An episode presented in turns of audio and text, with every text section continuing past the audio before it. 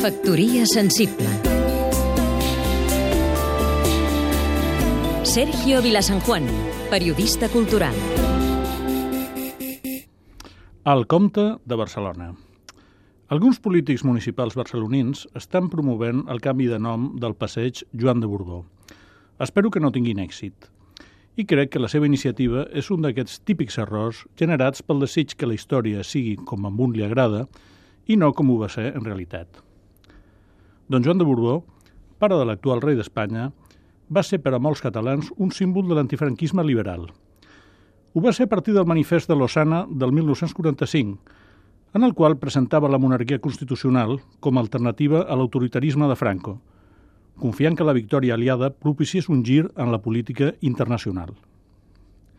A Catalunya, Don Joan va comptar amb seguidors com Antoni de Senillosa, l'advocat Antoni Montanyola, Armand de Fluvià o el que fos subdirector de La Vanguardia, Santiago Nadal. Aquests joanistes van ser, a començaments dels anys 60, actius companys de viatge de la resistència catalanista, segons recorda Albert Manent al seu llibre de memòries El molí de l'ombra. Don Joan de Borbó va portar dignament per tot el món, durant mig segle, el títol de comte de Barcelona. Mereix continuar comptant amb un carrer que li recordi. I els barcelonins mereixem dels nostres representants una aproximació més generosa i menys sectària a la nostra pròpia història. Factoria sensible